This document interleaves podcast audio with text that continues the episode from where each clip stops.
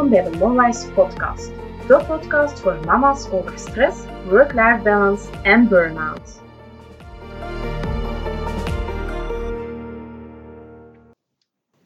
Ik ben Bianca Kools en in deze aflevering vertel ik je graag waarom je een burn-out eigenlijk wel voelt, maar niet ziet aankomen. Ja, in de vorige aflevering vertelde ik het al, dat ik zelf een burn-out kreeg. En je zou kunnen denken, maar allee, ja, je bent expert in personeelsmanagement of all people. Ehm, ja, ik weet het. En toch overkwam het mij ook. En waarom? Ik kende de signalen, of toch voor een groot deel. Ehm, maar net omdat ik ze kende, ehm, dacht ik ook van, oh, zo erg is het nog niet. Bij mij is het nog niet zo erg. En daardoor ja, ging ik de signalen eigenlijk veel te lang negeren. En ja, het was eigenlijk wel erg. Als je erop terugkijkt, waren de signalen heel duidelijk. Maar op die moment, je minimaliseert dat. Ehm, je denkt dat het bij jou niet zo erg is. Hè? Je denkt van het valt nog wel mee. Maar goed, um, om jou het hele verhaal te vertellen, neem ik jou graag eventjes mee terug in uh, de tijd naar 2018. Het is najaar 2018. Ik was net bevallen van ons tweede zoontje en ik startte na mijn bevallingsverlof in een nieuwe functie in een nieuw bedrijf. En ja, het was eigenlijk de job waar ik al zo lang van droomde, uh, waar ik eigenlijk heel, heel mijn carrière al naartoe gewerkt had. Het was een, een managementfunctie. En um, ja, ik ben daar ook echt met goede moed aan begonnen. En de slaapgut die stond nog in mijn ogen, want je, ja, die sliep op dat moment helemaal nog niet door. De nachten waren ja, echt wel bijna elke nacht nog onderbroken. Maar dat gaf niet, want ik, was, ik zat een stukje op een high. Ik was super enthousiast, want ja, ik kon eindelijk mijn ambities gaan waarmaken. En ja, alles waar ik zo lang naartoe gewerkt had, dat lag nu binnen handbereik. En ik was moe, ik was echt super moe. Wij waren moe, hè. ik was zeker niet alleen. Maar ik had zoiets van, oké, dat hoort er nu bij en we gaan ervoor. En ik begon daar in september uh, aan die nieuwe job, in een nieuw bedrijf. En ja, september, um, als je al kindjes hebt, dan weet je dat dat traditioneel de start is van het seizoen van um, de virusjes van school, de kribben. Toen gelukkig nog geen corona, uh, maar wel heel veel snotvallingen, maagvirusjes. En ja, je kan het eigenlijk lezen als we waren echt team no sleep. Sliep één kind door, dan was Sander wel ziek en werd je toch nog wakker gemaakt, of alle twee. Um, maar ja, we deden verder, want ja, zo is dat gewoon. Hè. Als jonge ouders met jonge kinderen, je moet gewoon verder. En ja, op het werk bleek ook al snel dat er een aantal dingen toch wat anders liepen dan afgesproken waren tijdens uh, mijn sollicitatiegesprekken. Um, ik deed eigenlijk een managementrol, maar ik deed daarnaast ook alle dagdagelijkse taken die er bij een personeelsdienst komen kijken. Um, lees, ik deed dus eigenlijk twee jobs op één dag. Um, en alleen eigenlijk drie, want um, ik ben ook een mama, dus ja, dat hoort er ook bij. En ik doe dat met heel veel liefde. Maar laten we eerlijk zijn, het is ook een job dat je na je werk ook er nog eventjes bij doet. En nu, ik had heel veel hulp van mijn man en familie met onze kindjes, dus dat wil ik ook graag benoemen. Maar ja, het was de bedoeling dat er iemand bij in het team kwam hè, om uh, dat stukje bij mij over te nemen. Um, maar dat duurde heel lang en heel lang voor die gevonden was, voor die kon starten. Dus dat sleepte eigenlijk heel lang aan. Maar weet je wat? Ja, ik, bleef gewoon doorgaan en dat was het slechtste idee ever. Um, ja, er waren nog een aantal zaken dat ik gaandeweg ontdekte uh, in het bedrijf, ja, die eigenlijk niet pasten bij wie ik ben, wat ik nodig heb om goed te presteren, maar vooral ook waar ik voor sta. En ja, ik ga jou niet verder vertellen uh, over die details uit vertrouwelijkheid voor dat bedrijf, maar ik werd daar dus echt niet vrolijk van. Um, maar ik wilde doordoen, ik wilde daar echt een succes van maken. En tegelijkertijd merkte ik ja, dat slaaptekort zich opstapelde. Ik was vaker verkouden dan normaal. Dus, ik kan dat nu vertellen, maar ik werd echt een Mozilla. Die elk moment kon uitbarsten voor het minste. Speelgoed op de verkeerde plek. Serieus, dat voelde alsof het einde van de wereld in zicht was. Ik begon direct boos te worden of heel emotioneel te worden. En ja, eigenlijk waren dat al grote tekenen dat er iets aan de hand was. Maar hé, hey, wat dacht ik op die moment? Ja, slaaptekort, dat hoort bij het ouderschap, toch? Nog even doorzetten, want het is maar een fase. En ja, last but not least, ik dacht ook op die moment, ja, al die andere mama's, die zijn dat ook aan het doen, die kunnen dat ook. Ehm, en de papa's. Ja, ik moest dat dan ook kunnen, toch? Allee, ik moest dat dan toch ook kunnen. Um, maar ja, dat was echt wat er in mijn hoofd doorging op dat moment. Ik wou niet opgeven. Niet opgeven als mama, niet opgeven als werknemer. Want ik geloofde heel hard in um, wat dat daar mogelijk was. En ik wou daar echt een succes van maken. En kon ik weggaan? Ja, natuurlijk. Je hebt altijd de keuze om weg te gaan en een andere job te zoeken. En waarom deed ik dat dan niet? Ja, nee, dat ging niet. Um, want dan zou mijn carrière voorbij zijn. Zo dacht ik dat letterlijk. Want hé, hey, ik was hier nog niet zo lang. En ja, als ik nu zou vertrekken, oh, dat zou pas falen zijn. Dat zou niet mooi staan op mijn cv. Nee, nee. Ik ging hier een succes van maken en uh, we gaan verder. En ja, ik wil er wel even bij vertellen. Ik heb die pijnpunten of die feedback, ik heb dat op mijn werk wel meerdere malen aangegeven. En ik raad jou dat ook aan. Ook als je merkt dat er iets niet loopt, als je ergens mee zit, bespreek het met jouw collega's, bespreek het met je baas, bespreek het met iemand van de personeelsdienst op een respectvolle manier. Maar blijf er alsjeblieft niet mee zitten. Geef hen ook de kans om er iets aan te doen. En dat is niet altijd mogelijk, maar soms is een oplossing zoveel sneller gevonden dan je denkt. Maar in mijn geval liep het anders. En wat deed ik? Nog een tandje bijsteken, want het werk moest toch gebeuren. Want ik had nu die functie die ik altijd wou en ik moest het waarmaken. En dat deed ik. Ik ging meer werken, langer werken, s'avonds werken, nadat de kindjes in bed lagen. Eén avond werd twee avonden, twee avonden drie en zo ging het heel de week door. En dan was er het weekend. Weekends waren geen weekends meer. Ik moest werken, want anders kon ik het niet bijhouden. En ik had vaak ook s'avonds nog sollicitatiegesprekken uh, voor het bedrijf, uiteraard. En ja, ook nog directievergaderingen. En er zijn vele, vele, vele avonden geweest dat ik mijn jong babytje, dat hij al lag te slapen als ik thuis kwam. En um, ja, dat brak mijn hart. Ik vond dat verschrikkelijk. Um, moet ik elke avond thuis zijn als die uh, in bed gaat? Nee, absoluut niet. Maar op den duur, um, ja, werd het aantal keren steeds minder. En mijn kleuter, ik herinner mij dat ook nog, de kleuter, ons oudste zoontje Nant, die zei ook op een bepaald moment, mama, moet jij nu weer werken? Ja, jongen, mama moet werken. Dat was in een weekend. En die zei echt toen, ja, mama, je moet altijd werken. En ik kan u zeggen, dat brak mijn hart.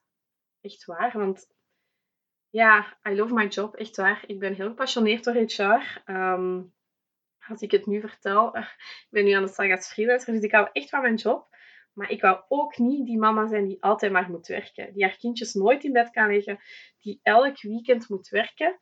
En daar is niets mis mee. Hè? Als jij dat wel doet en als jij daar wel gelukkig van wordt, en dan, dat is helemaal oké dan.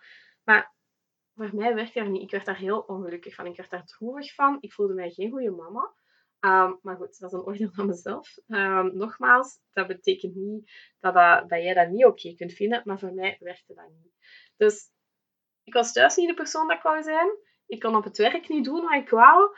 En toch was er zoiets in mij dat zei, we gaan hier, we gaan hier niet opgeven, we gaan verder doen. En ja, doordat ik natuurlijk niet zoveel sliep, hè, want ja, ik bleef tot in de late uurtjes werken, s morgens er weer vroeg uit. Ja, ik ging ook slechter slapen, ook op avonden dat ik wel op tijd naar bed ging. Ja, omdat ik nog met mijn to-do-lijst in mijn hoofd zat. Ik denk dat veel mama's dat herkennen. Hè. Het moment dat je hoofd op je kussen ligt, dat je denkt ik moet dat of dat of dat nog doen. En ik had dat over dingen thuis, maar zeker ook over um, ja, zaken van het werk. En ik raakte niet meer in slaap. En ik ging maar door en door en door. Zo ging het door. Tot op die ene ochtend. Ik had hier net afgezet aan de kribbe. En dat was niet zo vlot gegaan. Um, wat je moet weten is, um, als de kindjes door papa af, werden afgezet aan de kribbe, dan uh, trokken ze soms een beteuterd gezicht, maar bij, bijna nooit traantjes. Maar als ik ze ging afzetten aan de kribbe, um, dan waren er vaak traantjes. En toen was dat ook zo. En ik herinner me nog dat ik met een soort van schuldgevoel naar mijn auto stapte. Want wat je moet weten is, um, we een super toffe hele lieve, warme mensen die voor onze kindjes gezorgd hebben.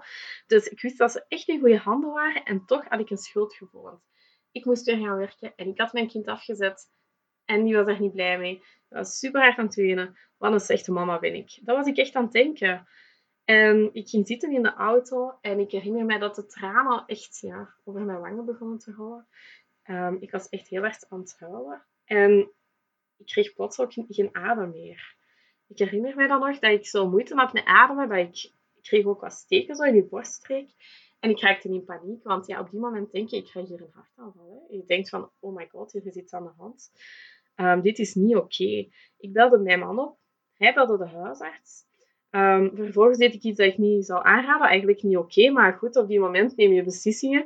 Ik reed naar huis. Um, we woonden niet ver van de kribbe. En ik was in paniek. De huisarts die arriveerde toen.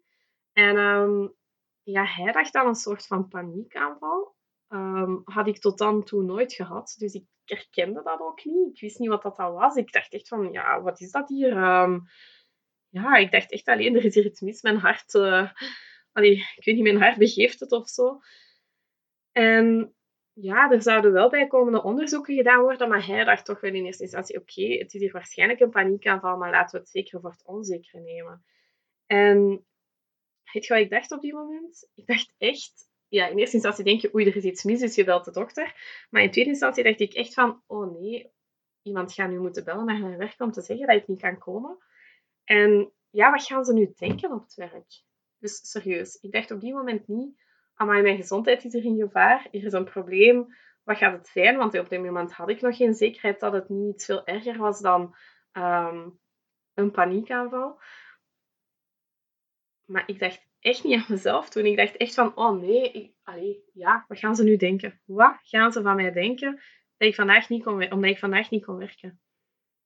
En de dokter die zei toen letterlijk, oké, en nu ga je rust nemen. Um, want ja, voordien onderhandelde ik altijd naar beneden om ervoor te zorgen dat ik natuurlijk niet, um, als ik ziek was, hè, zo bij die snotvallingen of zo maagvirus, ja, dat ik maximaal één dag thuis was of zo, twee dagen max. En dat ik dan toch terug wat kon beginnen werken, want ja, dat werk bleef vliegen, dat stapelde zich op, dus het werd alleen maar erger. En ja, ik wou gewoon ook niet een indruk wekken dat het bedrijf niet op mij kon rekenen. Um, nogmaals, wat ik nu vertel, zijn de dingen die in mijn hoofd leven. En dat zijn, daarmee vind ik helemaal niks van wat dat jij doet of wat dat jij zegt. Dus ik val daar geen oordeel over. Wat ik nu vertel, gaat over wat ik als oordeel over mezelf velde op dat moment. Wat ik op die moment echt zelf dacht. En ja, dus die dokter zegt van oké, en nu ga je rust nemen. En ik pruttelde nog een beetje tegen. Maar eigenlijk ja, ik begon opnieuw te beginnen, want ik voelde heel diep van binnen dat je gelijk had en dat het echt, echt niet anders kon. Het kon niet anders. En ik wou daar eigenlijk nog niet aan toegeven. En op die moment word je verplicht. Hè? Iemand anders beslist voor jou en nu is het gedaan. Je lichaam beslist voor jou, de dokter beslist voor jou. En nu is het gedaan. Nu ga je rust nemen. En ja, wat daarna gebeurd is, ik weet het niet zo goed meer. Ik denk hij is vertrokken en mijn man is, dat was onderweg naar huis en is aan toegekomen. Maar in die tussentijd was ik even alleen en ja, ik, um, ik weet nog dat ik eigenlijk, ja, het werd een beetje zwart voor mij nog zeker. Um, ik vind dat heel moeilijk om dat nu te vertellen. Dat is gek, hè, want ik vraag aan andere mensen om heel open te zijn over hun verhaal naar mij toe als coach. Um, maar goed, ik ken jullie ook niet, of nog niet. Um, ja, ik ben toen eigenlijk ingestort. Um, ik ben beginnen wenen, of verder gaan, terug beginnen wenen eigenlijk. Beginnen wenen. Ik weet dat ik mij in een bootje uh, op de zetel gerold heb. En zo heeft mijn man mij daar gevonden. En ja, dat was het begin van het herstelproces. En ja, dat was heel moeilijk. En uh, ik ga jullie daar zeker later nog meer over vertellen.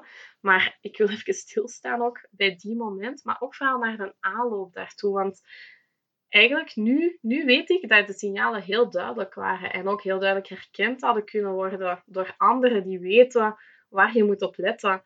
Um, maar voor jezelf, heel veel mensen pushen zichzelf gewoon verder. En niet te flauw doen, een beetje verder doen. Uh, we gaan niet opgeven. Hè. Um, het is nu zo, we doen gewoon verder. Um, opgeven is voor watjes, noem maar op, wat dat je ook denkt. Bij heel veel mensen gaat het zo. En eigenlijk had het voorkomen kunnen worden. Maar dat was het niet. En ik was zo ver in het groot gegaan dat mijn lichaam stop zei. Voilà. Ik wil graag op een later moment verder vertellen over mijn eigen herstelproces. Maar voor vandaag ga ik het hierbij laten. Ik wil jou vooral ook meegeven. Um, sta zelf eens even stil bij hoe het met jou gaat. Um, kijk eens heel eerlijk naar jezelf, naar jouw situatie. Slaap je nog goed? Herken je dingen in mijn verhaal? Blijf er niet mee zitten. Praat erover met je huisarts of uh, neem contact op met een coach. Um, je kan ook altijd een vrijblijvend kennismakingsgesprek aanvragen. Dat hoeft niet zwaar te zijn. Um, veel mensen vinden dat die drempel nog heel hoog ligt. Um, ik vond dat ook eerlijk waar. Aan het begin van mijn herstelproces vond ik dat echt heel erg uh, hoog nog. Maar als je die signalen herkent, blijf er niet mee zitten en praat erover.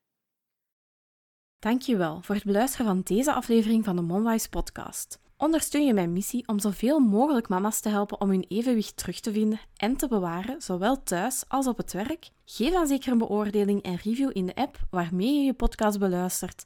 Of abonneer gelijk als je geen enkele aflevering wil missen. Wil jij na het beluisteren van deze aflevering graag nog meer tips over op een gezonde manier omgaan met stress en vermoeidheid als mama? Volg me dan zeker op Instagram via @wearemonwise of kijk op www.monwise.be slash gratis aanbod voor een aantal leuke downloadables. Nogmaals bedankt voor het beluisteren van deze podcast. Zorg goed voor jezelf en tot volgende keer.